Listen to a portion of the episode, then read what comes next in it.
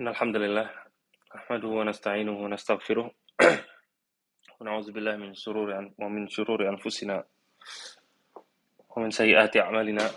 من يهده الله فلا مضل له ومن يضلل فلا هادي له. أشهد أن لا إله إلا الله وأشهد أن محمدا عبده ورسوله. أما بعد فإن خير الكلام كلام الله وخير الهدي هدي محمد صلى الله عليه وعلى آله وصحبه وسلم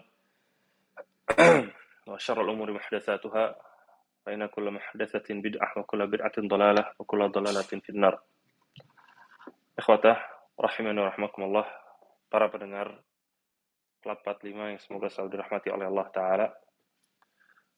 Puji serta syukur kita panjatkan kehadirat Allah Azza wa Jal, yang Alhamdulillah dengan karunia-Nya dan juga dengan taufiknya Allah mengizinkan kita untuk bisa kembali bermajelis di clubhouse ini yang sudah terhenti kurang lebih dua atau sampai tiga bulan setelah kita menamatkan kitab Ahadithul Akhlaq yang kumpulkan oleh Syekh Abdul Razak Ibn Abdul Muhsin Al-Badr Hafizahullah Ta'ala.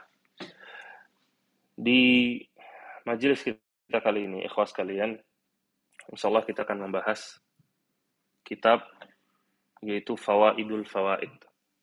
Kitab Fawaidul Fawaid. Sebuah kitab yang berisi intisari dari agama ini yang dikumpulkan oleh Syekhul Islam Ibnul Qayyim rahimahullah taala. Dan sebelum kita masuk ke dalam kitabnya, sebagaimana yang kita lakukan sebelum kita masuk ke dalam kitab Ahadithul Akhlaq, kita akan mengenal dulu siapa penulis dari kitab ini.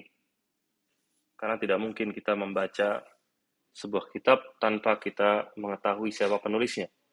Dan ini ikhwas kalian, sekali lagi Anda ingatkan, merupakan manhaj dari ahlu sunnah wal jamaah yang mana ahlu sunnah tidak mengambil ilmu dari semua orang.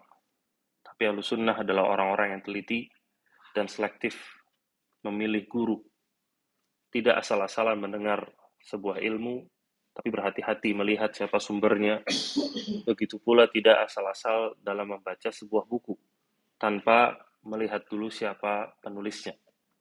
Nah, Ibnu Qayyim rahimahullah taala penulis dari kitab Fawaidul Fawaid merupakan orang yang sangat terkenal, ulama yang sangat masyhur di kalangan kaum muslimin. Diakui keilmuannya oleh para imam dan diakui keilmuannya pula oleh masyarakat. Ibnu Qayyim merupakan orang yang luar biasa. Dipuji bahwasanya beliau itu seakan-akan seorang mufassir yang Al-Quran itu senantiasa berada di hadapan matanya. Tidak keluar dari lisannya, kecuali apa-apa yang datang dari Al-Quran dan juga hadis-hadis Nabi Shallallahu Alaihi Wasallam. Dan Qayyim adalah di antara sedikit dari para ulama yang menguasai banyak sekali bidang atau disiplin ilmu hanya sedikit dari para ulama yang bisa menguasai banyak bidang keilmuan. Ada sebagian ulama yang alim dalam masalah hadis, tapi tidak menjadi alim dalam ilmu-ilmu yang lain. Ada yang menjadi alim dalam masalah akidah, ada yang menjadi alim dalam masalah fikih, tapi tidak pada ilmu-ilmu yang lain. Ada yang menjadi alim dalam masalah hadis dan juga fikih, tapi tidak alim dalam masalah bahasa, Ibnu Qayyim rahimahullah taala di antara sedikit para ulama yang menguasai banyak sekali bidang keilmuan sebagaimana tadi disebutkan. Beliau dalam urusan Al-Qur'an tafsir dari beliau adalah di antara tafsir yang terbaik yaitu ketika beliau menafsirkan ayat Al-Qur'an maka perkataan beliau ada di antara perkataan yang selalu diperhatikan oleh para ulama dan juga ketika berbicara tentang masalah hadis maka beliau banyak sekali mengomentari hadis-hadis Nabi Shallallahu Alaihi Wasallam dan banyak sekali menghafal hadis-hadis Nabi Shallallahu Alaihi Wasallam dan itu menjadi salah satu sumber dari Ibnu Qayyim ketika beliau mengeluarkan sebuah pendapat. Kemudian juga uh, berkaitan tentang masalah tazkiyatun nafs atau masalah pensucian jiwa. Beliau memiliki kitab-kitab yang luar biasa berkaitan tentang masalah pensucian jiwa. Di antaranya ada kitab namanya Ighathatul Lahfan dan kitab-kitab yang lain yang merupakan sumber atau dijadikan rujukan oleh para ulama berkaitan tentang masalah tazkiyatun nafs. Kemudian ada uh, kitab juga yang namanya kitab Tibun Nabawi yang mana Imam Ibnu Qayyim juga terkenal sebagai seorang ahli dalam masalah kedokteran. Makanya kitab beliau Tibun Nabawi pun Tib, uh, Tibun Nabawi itu pun menjadi rujukan banyak orang dalam mempelajari ilmu kesehatan. Nah, ikhwas kalian, ini sekedar mukadimah singkat. Alimah bin Qayyim, yang mana beliau disebut sebagai salah satu dari menara kebenaran. Disebut sebagai menara kebenaran karena lantangnya beliau menyuarakan kebenaran. Sebagaimana menara itu lantang menyuarakan azan-azan di masjid. Beliau adalah orang yang terkenal pemberani, melawan orang-orang yang berusaha untuk merusak Islam, berusaha untuk menyebarkan syubhat-syubhat, entah dalam masalah akidah atau dalam masalah yang lainnya. Maka Al-Imam Ibn Qayyim seperti gurunya, yaitu Syekhul Islam bin Taimiyah adalah orang yang berani untuk menyuarakan kebenaran dan tidak takut kecuali hanya kepada Allah Ta'ala saja. Al-Imam Ibn Qayyim, nama beliau adalah Muhammad. Nasab beliau adalah Muhammad ibn Abi Bakar ibn Ayyub ibn Sa'ad ibn Hariz. Az-Zura'i al-asal, asalnya yaitu adalah Az-Zura'i, thumma Dimishqi. Itu beliau adalah orang Damaskus. Al-Hambali, itu beliau itu bermazhab Hambali. Dan di sini dijelaskan oleh para ulama, maksudnya adalah beliau itu tumbuh di atas mazhab Hambali. Akan tetapi ketika beliau besar, beliau banyak sekali mempelajari mazhab-mazhab yang lain. Dan beliau adalah orang yang merdeka. Mengeluarkan pendapatnya sendiri, hasil tarjih dari mazhab-mazhab yang beliau pelajari. Dan beliau, sebagaimana kita ketahui, dikenal dengan Ibnul Qayyim Al-Jauziyah. Dan beliau memiliki gelar yaitu Syamsud, Syamsuddin, yaitu matahari dari agama ini. Dan beliau memiliki kunyah yaitu Abu Abdullah. Nah, ikhwas sekalian, lakop yang beliau miliki ini yaitu uh, Ibnul Qayyim Al-Jauziyah, yang mana nama beliau adalah Muhammad, yaitu diambil dari sekolah tempat beliau mengajar. Beliau itu mengajar di namanya madrasah yang berasaskan uh, madhab Hambali, yaitu madrasah namanya Al-Jauziyah. Dan beliau dinamakan atau diberikan gelar Ibnul Qayyim Al-Jauziyah karena ayah beliau, yaitu Abu Bakar, adalah uh, Qayyim. Yaitu Qayyim itu bahasa Indonesia-nya adalah pembina atau pengurus dari madrasah tersebut. Itu namanya Madrasah Al-Jauziyah. Maka dari itu, Ibnul Qayyim itu Ibnul Qayyim, yaitu anak dari pengurus Madrasah Al-Jauziyah artinya. Dan para ulama menjelaskan eh, banyak sekali para ulama yang mereka itu disandarkan kepada pekerjaan yang dilakukan oleh ayahnya. Di antaranya adalah Az-Zahabi. Az-Zahabi itu juga dikenal sebagai Ibnu Zahabi. Sebagai Ibnu Zahabi. Karena ayah beliau itu bekerja sebagai tukang emas. Yaitu orang yang uh, merubah batu yang ada emasnya di situ menjadi menjadi emas. Nah, jadi ini hal yang biasa. Dari Ibnu di sini tadi diulangi adalah anak dari seorang ayahnya itu pengurus dari madrasah namanya Al-Jauziyah. Kemudian ikhwas kalian, rahimani rahimakumullah. Ibn Qayyim itu tumbuh di keluarga yang sangat kental sekali perhatiannya terhadap masalah ilmu. Dan keluarga itu sangat mempengaruhi kehidupan seseorang. Sedikit atau banyak sangat mempengaruhi. Ibn Qayyim memiliki ayah yang merupakan seorang pengajar dan seorang pengurus dari sekolah. Itu namanya adalah Abu Bakar. Dan disebutkan di antaranya oleh Al-Imam Ibnu Kathir rahimahullah ta'ala bahwasanya ayah dari Ibnu Qayyim yaitu Abu Bakar itu seorang yang memiliki akhlak yang baik dan juga ahli dalam beribadah. Disebutkan kana rajulan salihan muta'abbidan qalilat takalluf wa kana fadilan. Bahwasanya Abu Bakar itu ayah dari Ibnu Qayyim adalah seorang yang soleh, ahli ibadah dan juga sangat sedikit sekali membuat suatu hal yang sulit-sulit, yaitu selalu memberikan kemudahan. Wa kana fadilan. Dan adalah seorang yang diutamakan di antara manusia-manusia yang lain. Dan juga kemudian saudaranya, yaitu adik dari Ibnu Qayyim. Adik dari Ibnu Qayyim, yaitu namanya adalah Abdurrahman. Disebutkan bahwasanya Abdurrahman ini merupakan seorang kudwah, teladan. Dan bedanya dengan Ibnu Qayyim itu dua tahun. Disebutkan oleh Ibnu Rajab Al-Hanbali, yang mana Ibnu Rajab ini salah satu dari muridnya Ibnu Qayyim, dan Ibnu Rajab ini adalah gurunya dari Abdurrahman, yaitu adiknya dari Ibnu Qayyim. Ibnu Rajab menyebutkan, Sama'tu alaihi kitab tawakkul. Yaitu aku e, membacakan kepadanya kitab At-Tawakkul libini Abi Dunya. Bisama'ihi ala Shihab al-Abir. Itu maksudnya di sini, ikhwas kalian. Di antara cara untuk menyampaikan ilmu adalah dengan al-qira'ah ala syekh yaitu membacakan uh, buku kepada syekh, kepada guru.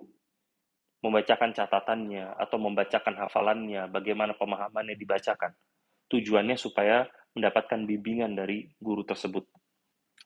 Kemudian, ikhwas kalian, ini berpengaruh kepada Ibnu Qayyim. Maka kita lihat ini di antara keluarganya yang perhatian terhadap ilmu agama. Dan ini sangat penting sekali ikhwah untuk uh, kita bentuk keluarga yang selalu perhatian dengan ilmu agama. Jangan kita hanya mau anak kita perhatian untuk baca Al-Quran, mau anak kita untuk sholat ke masjid, tapi tidak ada teladan yang baik dari dari orang tuanya. Ayahnya tidak pergi ke masjid, ibunya pun tidak baca Al-Quran di rumah, maka bagaimana anaknya mau terpengaruh? Bagaimana anaknya mau terdidik? Karena pendidikan yang terbaik itu dimulai dari teladan. Maka kita perhatikan bagaimana Nabi SAW pun bukan hanya mengatakan, bukan hanya memerintah, tapi beliau pun selalu memberikan teladan. Beliaulah yang datang ke masjid, beliaulah yang sholat, menjadi imam. Beliau memerintahkan para sahabatnya untuk bermuamalah dengan baik, memiliki akhlak yang mulia. Nabi SAW adalah orang pertama yang memberikan contoh kepada mereka. Bahwasanya beliau adalah orang yang memiliki akhlak yang mulia. Maka dari itu, kalau kita berbicara di zaman tersebut, siapa yang memiliki akhlak yang paling mulia? Itu adalah Nabi Muhammad SAW. Bahkan ketika kita berbicara secara umum sampai zaman sekarang, siapa orang yang akhlaknya paling mulia? Itu Nabi Muhammad SAW. Beliau adalah orang yang mengatakan, Inna bu'ithu liutamima makarimal akhlak. Sesungguhnya aku diutus untuk menyempurnakan akhlak yang baik. Ini adalah perintah dari beliau dan di antara misi dari kenabian kemudian beliau adalah orang pertama mengamalkannya. Maka begitu pula kita contoh ikhwas kalian, ketika kita uh, memerintahkan anak kita untuk berbuat kebaikan, untuk memperbanyak sedekah, untuk memperbanyak baca Al-Quran, untuk memperbanyak berzikir, maka jadilah orang pertama yang melakukannya. Tunjukkanlah teladan baik bagi mereka. Begitu pula, ketika kita mau mencetak anak-anak yang perhatian kepada ilmu, perhatian kepada agama, maka jadilah seorang teladan dalam masalah tersebut. Berikanlah waktu-waktu khusus untuk kita belajar. Dengan itu anak kita pun akan mengadani kita. Dia pun nggak mau nggak mau harus harus belajar pada waktu-waktu tersebut. Ini adalah di antara cara untuk mendidik anak kita. Karena lingkungan itu selalu memberikan pengaruh besar terhadap kepribadian seseorang. Memberikan pengaruh yang besar maka ciptakanlah lingkungan yang baik, insya Allah keluarga kita pun akan ikut akan ikut baik. Tapi bagaimana kita mau mencetak seorang anak yang soleh, tetapi kita tidak bisa menjadi teladan yang baik bagi bagi mereka. Nah, Allah musta'an. Kemudian ikhwas kalian, Ibnu Qayyim itu memiliki anak-anak yang banyak. Di antara anak beliau uh, adalah yang bernama Jamaluddin atau bernamanya Abdullah, mendapatkan gelar sebagai Jamaluddin. Itu perhiasan dari agama ini. Dan beliau pun merupakan seorang alim, seorang alim, al-faqih, ahli fikih, yaitu anak dari Ibnu Qayyim ini. Dan terkenal anak dari Ibnu Qayyim ini, Abdullah, adalah orang yang cerdas. Hasil didikan dari ayahnya, yaitu Ibnu Qayyim. Bukan cuma cerdas, tapi keilmuannya pun luas. Ibnu Katsir menyebutkan, Syekh, yaitu Syekh Abdullah, anak dari Ibnu Qayyim, Al-Fadil, merupakan orang yang mulia, Jamaluddin Abdullah ibn Allamah Syamsuddin. Yaitu perhiasan agama ini Abdullah, anak dari Al Syamsuddin ibn Qayyim. Kanat ladaihi uluman jayidah. Ibnu Katsir menyebutkan bahwasanya beliau itu memiliki ilmu-ilmu yang baik, yang banyak maksudnya. Wa hadir khariq. Dan uh, pemikirannya itu sangat modern, dan juga sangat luar biasa. Beda dengan orang lain. Afta wa darrasa wa ada wa nazar. Bahwasanya dia itu memberikan fatwa, mengajar, mengoreksi murid-muridnya, dan juga melakukan diskusi-diskusi. Wa hajja marrat adidah. Rahimahullahu wa balla birrahmah tarahu. Ibnu Katsir menyebutkan bahwasanya dia itu berkali-kali melakukan haji dan semoga Allah taala merahmatinya dengan rahmat yang banyak. Dan Ibnu Hajar rahimahullah taala beliau menyebutkan ishtaghala ala abihi wa ghairihi. Bahwasanya Abdullah ini membantu ayahnya yaitu Ibnu Qayyim. Wa kana mufrituz zakat. Kata Ibnu Hajar Al-Asqalani yaitu uh, pengarang kitab Fathul Bari, Syarah Sahih Bukhari. Beliau memberikan pujian kepada anak Ibnu Qayyim. Kana mufrituz zakat. Bahwasanya dia itu kecerdasannya itu luar biasa hafidhu surat Al-A'raf fi yaumaini. Dia menghafalkan surat Al-A'raf dalam waktu cuma dua hari. Thumma darasal muharrar fil fiqh. Kemudian dia belajar muharrar dalam ilmu fikih. Kemudian belajar muharrar dalam ilmu hadis. Wa mahara fil ilm. Kemudian dia benar-benar bisa memahami ilmu-ilmu tersebut. Wa afta wa darras wa hajja miraran, kata Ibn Hajar. Dan dia memberikan fatwa, dia mengajar, dan dia berhaji berkali Nah, kemudian Ibnu Rajab pun memberikan pujian karena a'jubatu zamanihi. Bahwasanya anak dari Ibnu Qayyim ini adalah di antara orang yang luar biasa pada zamannya. Dan suatu uh, keanehan, keistimewaan orang yang istimewa di zaman tersebut. Kemudian Ibnu Hajar memberikan pujian lagi kepada anak Ibnu Qayyim. Salla bil Quran sanah sab'umiyah ihda wa salasin hijrah bahwasanya anak dari Ibnu Qayyim ini pernah sholat, kemudian menghatamkan Al-Quran dalam sholatnya, dalam sekali sholat, yaitu pada tahun 731 Hijriyah. Fayakunu rahimahullah qad hafizal Quran wa huwa ibn tis'i sinin. Maka kalau begitu, kata Ibnu Hajar, Berarti ini Abdullah, anaknya Ibnu Qayyim, itu sudah hafal Al-Quran ketika umurnya masih 9 tahun. Jadi umurnya masih 9 tahun. Ini uh, hal yang luar biasa ya kawan kalian. Dan juga hasil dari perhatian Ibnu Qayyim kepada keluarganya. Dan ada anak-anaknya yang lain, yaitu bernama uh, Abdurrahman dan juga anak-anak yang lainnya yang anak batasi hanya satu saja sini Abdullah merupakan yang paling luar biasa di antara yang lain. Kemudian ikhwas sekalian, Ibnu Qayyim Al-Jauziyah. Ibnu Qayyim Al-Jauziyah merupakan seorang yang luar biasa dan terkenal sebagai orang yang suka membaca dan bacaan Al-Qur'annya bagus, akhlaknya pun mulia. Dan terkenal kathirut tawaddud, kecintaan itu banyak sekali. Orang yang benar-benar perhatian. La yahsud ahadan wa la yuzihi. Nggak pernah dia itu hasad kepada orang lain dan tidak pernah mengganggu orang lain. wala yasta'ibuhu wala yahqid ala ahadin. Dia nggak pernah menggibahi orang lain, menceritakan keburukan orang lain, nggak pernah. Dan ini diceritakan oleh uh, Ibnu Rajab. Ibnu Rajab menyebutkan wa kuntu min ashabin nas uh, afwan ini dari Ibnu Katsir. Ibnu Katsir menyebutkan wa kuntu min ashabin ashabin nasi lahu wa habbin nas ilaihi dan aku saat itu termasuk orang yang paling dekat dengan Ibnu Qayyim dan orang yang paling cinta kepada Ibnu Qayyim. Wala a'rifu fi hadzal alam fi zamanina aktsar ibadatan minhu. Dan saya tidak tahu di dunia ini orang yang paling banyak ibadahnya daripada beliau. Itu adalah Ibnu Qayyim. Karena Ibnu Kasir itu adalah muridnya dari Ibnu Qayyim. Wa kanat lahu tariqah fi shalah yutiluha jiddan wa yamuddu ruku'aha wa sujudaha. Dan bahwasanya metode sholatnya Ibnu Qayyim itu selalu sholatnya panjang. Baik ruku'nya, sujudnya itu pasti lama. Wa yalumuhu min ashabi fi ba'dil ahyan. Dan terkadang teman-temannya itu uh, menegur Ibnu Qayyim karena sholatnya itu fala yarji' wa la yanzi' an dzalika rahimahullah. Tapi beliau tetap enggak merubah caranya. Itu sholatnya itu selalu panjang. Walahu minat tasonif al-kibar was-sigar syai'un kathir.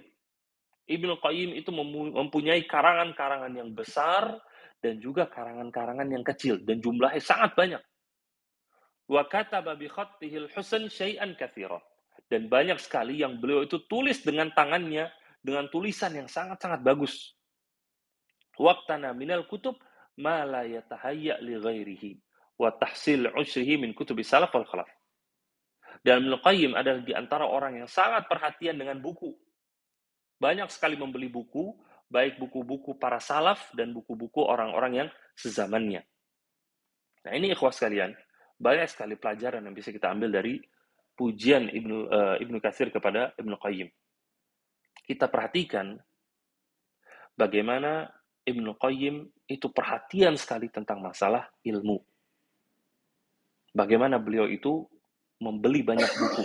Dan membeli di sini ikhwah maksudnya adalah untuk dipelajari, untuk dibaca, untuk dimutolaah di situ. Itu maksudnya. Nah, ini juga yang harus kita contoh ikhwah sekalian. Kita harus memiliki budget khusus untuk belajar. Untuk kita meningkatkan keilmuan dalam diri kita. Entah dengan membeli buku, atau menghadiri kajian-kajian, dan lain-lain. Dan tentunya ketika kita menghadiri kajian, dengan kita membawa buku, akan membuat kita itu lebih lebih serius dalam belajar. Dan kemudian tambah lagi ilmu yang kita dapatkan kita tulis. Maka itu menunjukkan keseriusan kita dalam belajar, keseriusan kita, kemauan besar kita untuk kita menambah keilmuan kita. Dan kita tahu bagaimana perkataan qayyidul ilma bil kitabah, ikatlah ilmu itu dengan dengan tulisan. Maka ini suatu perkataan yang luar biasa dan juga kita harus contoh bagaimana Ibnu Qayyim itu memiliki buku yang banyak. Maka hendaknya kita juga membeli banyak buku dan mempelajarinya. Karena ikhwas kalian, warisan yang terbesar yang kita bisa berikan kepada anak cucu kita adalah ilmu. Sebagaimana para nabi, mereka tidak mewarisi harta, tapi mereka mewarisi kepada umatnya ilmu. Maka disebutkan, faman akhodahu faqad akhoda bihadzin wafir. Barang siapa yang mengambil warisan ilmu yang ditinggalkan oleh para nabi, maka dia telah mengambil bagian warisan yang banyak. Nah, kita bisa meninggalkan di antara warisan kita kepada anak cucu kita adalah buku, kitab. Baik itu dengan bahasa Arab atau dengan bahasa Indonesia atau buku bahasa Arab yang sudah diterjemahkan.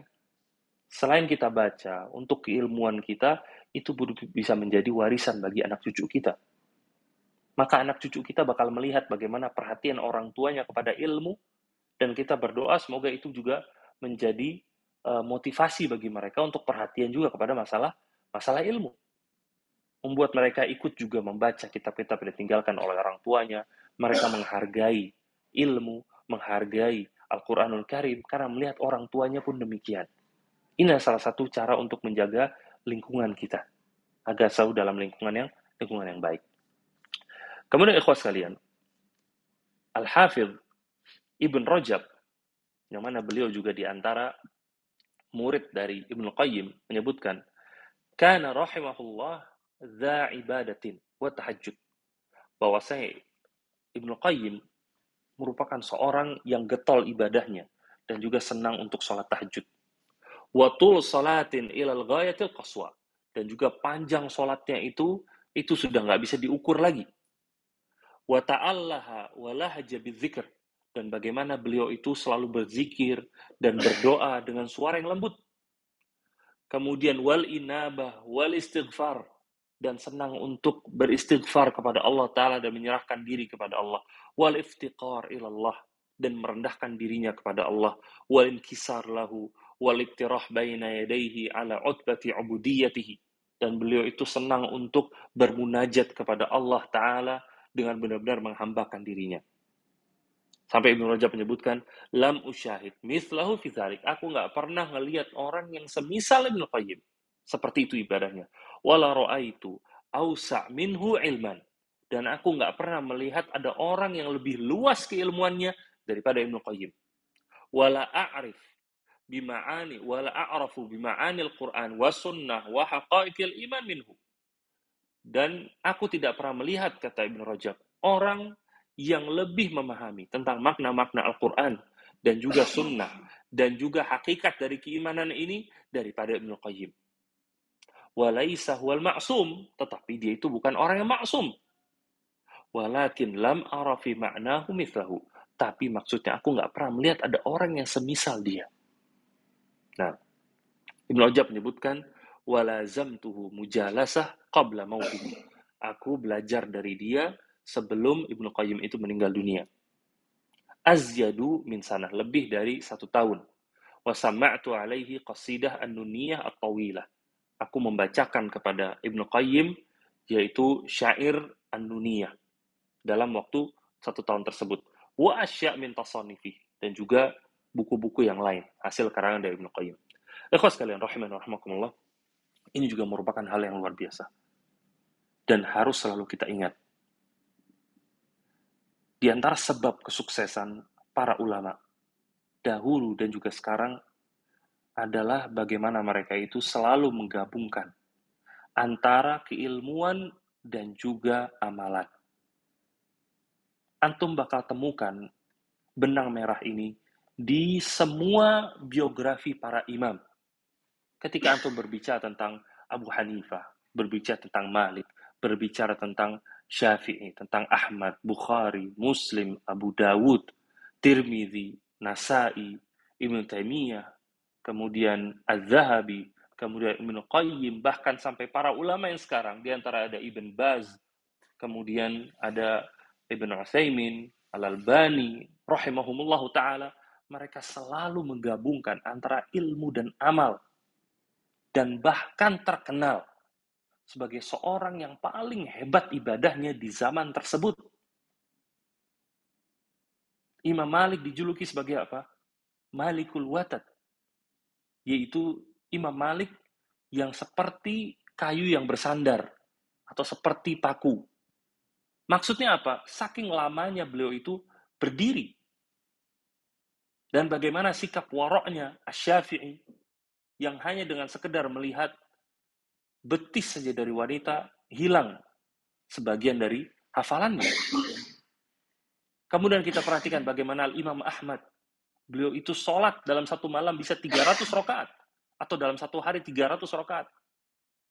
Kemudian setelah beliau sakit, beliau hanya bisa sholat sebanyak 150 rokaat. Kemudian, kemudian kita di sini menemukan dari Ibnu Qayyim.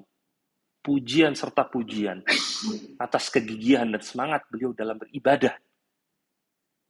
Digabungkan dengan luasnya keilmuannya. Nah ini ikhwas kalian harus kita contoh ketika kita mau menjadi seorang yang berilmu, mau sukses dalam keilmuan kita, menunjukkan bahwasanya ilmu itu bermanfaat, maka akan selalu diiringi dengan amalan. Nabi SAW mengatakan apa? Inni as'aluka ilman nafi'an wa rizqan tayyiban wa amalan mutaqabbala. Ya Allah, aku memohon kepadamu ilmu yang bermanfaat, rizki yang baik, dan amalan yang diterima. Nabi SAW menyandingkan di situ antara rizki yang halal dan amalan yang diterima. Dan memulai semuanya dengan ilmu yang bermanfaat. Menunjukkan bahwasanya rizki yang halal, amalan yang diterima, semuanya membutuhkan dasar yang namanya ilmu yang bermanfaat. Tanpa ilmu yang bermanfaat, seorang nggak bakal bisa mencari rizki yang halal, rizki yang baik, atau amalan yang diterima. Maka dari itu, ikhwas kalian, selalulah semangat kita untuk belajar. Kemudian semangatlah kita untuk beramal. Karena keimanan itu bukan sekedar dalam hati meyakini, tapi keimanan itu juga mengamalkan dengan anggota tubuh kita. Inilah yang dicontohkan oleh para ulama dan di antara sebab utama kesuksesan mereka dalam menuntut ilmu.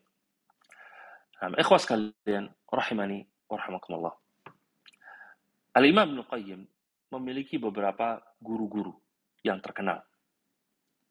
Di antara guru yang paling pertama tentunya adalah ayahnya, yaitu adalah Abu Bakar Ibn Ayyub, yang merupakan seorang guru di sekolah Al-Jauziyah dan juga merupakan pengurus dari sekolah tersebut. Kemudian tentunya guru beliau yang paling berpengaruh terhadap keilmuan, kebesaran Ibnu Qayyim tentunya adalah Syekhul Islam Ibnu Taimiyah. Merupakan seorang syekh besar dan mendapatkan gelar Syekhul Islam karena keilmuannya yang luas dan mencakup banyak sekali bidang keilmuan. Dan Ibnu Qayyim banyak sekali belajar dari Ibnu Taimiyah. Bahkan sangat lama belajar dari Ibnu Taimiyah sampai Ibnu Taimiyah meninggal dunia. Dan beliau selalu menemani Ibnu Taimiyah ke mana Ibnu Taimiyah pergi. Bahkan sampai ketika Ibnu Taimiyah masuk penjara, Ibnu Qayyim pun ikut dipenjarakan. Karena kesetiaan Ibnu Qayyim dengan Ibnu Taimiyah, berguru kepada Ibnu Taimiyah. Kemudian di antara guru beliau ada namanya Al-Imam Al-Mizzi. Kemudian ada Muhaddis Syihab Al-Abir namanya. Kemudian ada Badruddin Ibn Jama'ah. Badruddin Ibn Jama'ah ini uh, penulis kitab dari Tazkiratus Sami' yaitu kitab yang membahas tentang masalah adab yang kitab yang sangat bagus, yang banyak para ulama merekomendasikan kita untuk membaca kitabnya. Adab bagi para guru dan juga para penuntut ilmu. Kemudian Ibnu Qayyim juga belajar dari saudaranya Ibnu Taimiyah. Itu namanya Syarafuddin. Syarafuddin Ibn Taimiyah, yaitu saudara dari Syekhul Islam. Selanjutnya kalian, Ibnu Qayyim memiliki beberapa murid. Di antaranya uh, muridnya adalah Ibnaihi, yaitu kedua anak dari Ibnu Qayyim. Yang pertama namanya Abdullah, kemudian yang kedua namanya Muhammad. Kemudian di antara muridnya adalah Al-Hafidh Ibn Kathir. Seorang ulama besar, seorang ahli tafsir dan juga muhaddis Ibn Kathir yang sering kita jadikan rujukan dalam mentafsirkan ayat-ayat Al-Quran. Kemudian ada namanya Ibn Rajab Al-Hambali Ibn Rajab di antara ulama fikih ahli dari mazhab Hambali, Ibn Rajab Hambali. Beliau adalah orang besar dalam masalah fikih, rahimahullah. Kemudian di antara murid beliau adalah Ibn Abdul Hadi. Ibn Abdul Hadi adalah seorang muhadis, ahli hadis dan merupakan ahli hadis besar. Kitab beliau yaitu Al-Muharrar fil Hadis itu menjadi kitab pedoman yang dipelajari oleh mahasiswa di Jamiah Islamiyah atau yang kita sering kenal dengan Universitas Islam Madinah. Mempelajari kitab Muharrar yang ditulis oleh Ibn Abdul Hadi rahimahumullahu taala. Selanjutnya ikhwas kalian, Ibnu Qayyim itu memiliki beberapa kitab atau banyak sekali buku afan. Banyak sekali kitab yang beliau tulis sebagaimana tadi disebutkan ada yang bukunya itu besar, ada yang bukunya kecil. Di antaranya beliau punya namanya kitab Tariqul Hijratain. Kemudian ada yang namanya Zadul Ma'ad. Kemudian ada Jala'ul Afham. Kemudian ada I'lamul Muwaqqi'in an Rabbil Alamin. Di antara kitab yang menjadi rujukan oleh para ulama berkaitan tentang masalah usul fiqh. Kemudian ada namanya kitab Bada'i'ul Fawaid. lalu ada kitab namanya Ada Uwad Dawa, kemudian ada kitab Iftah Sa'adah, lalu kitab yang mau kita pelajari ini ada Fawaidul Fawaid, kemudian kitab-kitab yang lain yang sangat sekali, uh, sangat banyak sekali. Dan di antara kitab yang terbaik yang beliau miliki, yang uh, direkomendasikan oleh banyak ulama berkaitan tentang masalah fikih, yaitu kitab namanya As-Sawa'iqu Al-Mursalah. As-Sawa'iqul Mursalah. Ini berkaitan tentang masalah akidah yang direkomendasikan oleh banyak sekali para ulama untuk dibaca bagi para penuntut ilmu yang advance, yang sudah senior. Kemudian yang terakhir, ikhwas kalian, berkaitan tentang wafatnya Ibnu Qayyim, rahimahullah. Ibnu Qayyim wafat di waktu Isya, di malam hari sebelum masuk tengah malam. Pada hari Kamis, di tanggal 23 dari bulan Rojab, tahun 751. Tahun 751. Kemudian disolatkan keesokan harinya di Masjidil Jami' api zuhur yaitu setelah sholat zuhur baru Eh, Lalu dimakamkan di pemakaman Al-Bab Sogir namanya. Pemakaman Al-Bab As-Sogir. Wasyaya'ahu khulukun kathir. Dan banyak sekali orang yang menghadiri pemakaman beliau. Yaitu adalah Ibnu Qayyim rahimahullahu ta'ala. Dan ikhwas kalian, ini adalah biografi singkat dari Al-Imam Ibn Qayyim, sang menara kebenaran, orang yang terkenal dengan keilmuannya, dengan ibadahnya, dengan keberaniannya untuk menyuarakan al-haq. Kita menceritakan biografi ini jangan hanya dianggap sebagai sebuah dongeng, kisah untuk menemani tidur, tapi jadikan ini sebagai teladan, sebagai contoh bagi kita semua, agar bisa meningkatkan diri kita. Baik itu meningkatkan keilmuan, baik meningkat, meningkatkan ibadah kita, dan kita memperhatikan orang sekelas Ibnu Qayyim dengan keilmuan yang luar biasa, tetap beliau sandingkan dengan amalan yang luar biasa. Padahal pahala yang beliau dapatkan dengan menulis kitab, dengan belajar, dengan menyebarkan tulisannya itu sangat banyak. Tapi hal ini tidak kemudian membuat beliau itu malas dalam beribadah. Tapi beliau malah juga tetap menjadi teladan dalam masalah beribadah. Ini dicontohkan oleh para ulama-ulama yang lain. Maka apalagi dengan kita ikhwas kalian yang ilmu kita tidak banyak dan warisan kita kepada uh, generasi setelah kita itu tidak banyak, maka fokuslah untuk beribadah dan selalu sandingkan dengan ilmu yang bermanfaat. Jangan jadikan ilmu yang kita pelajari hanya sekedar dongeng saja, hanya sekedar menjadi tulisan yang kemudian ditutup buku, ketemu lagi minggu depan. Jangan hanya menjadi ilmu yang masuk kuping kanan, keluar kuping kiri, hanya menemani keseharian saja. Tapi jadikan itu menjadi ilmu yang bermanfaat, menambah ketakutan kita kepada Allah, menambah ketakwaan kita, menambah kecintaan kita kepada Allah, menambah kekhusyuan kita dalam beribadah. Wallahu taala alam. Sampai di sini kajian kita.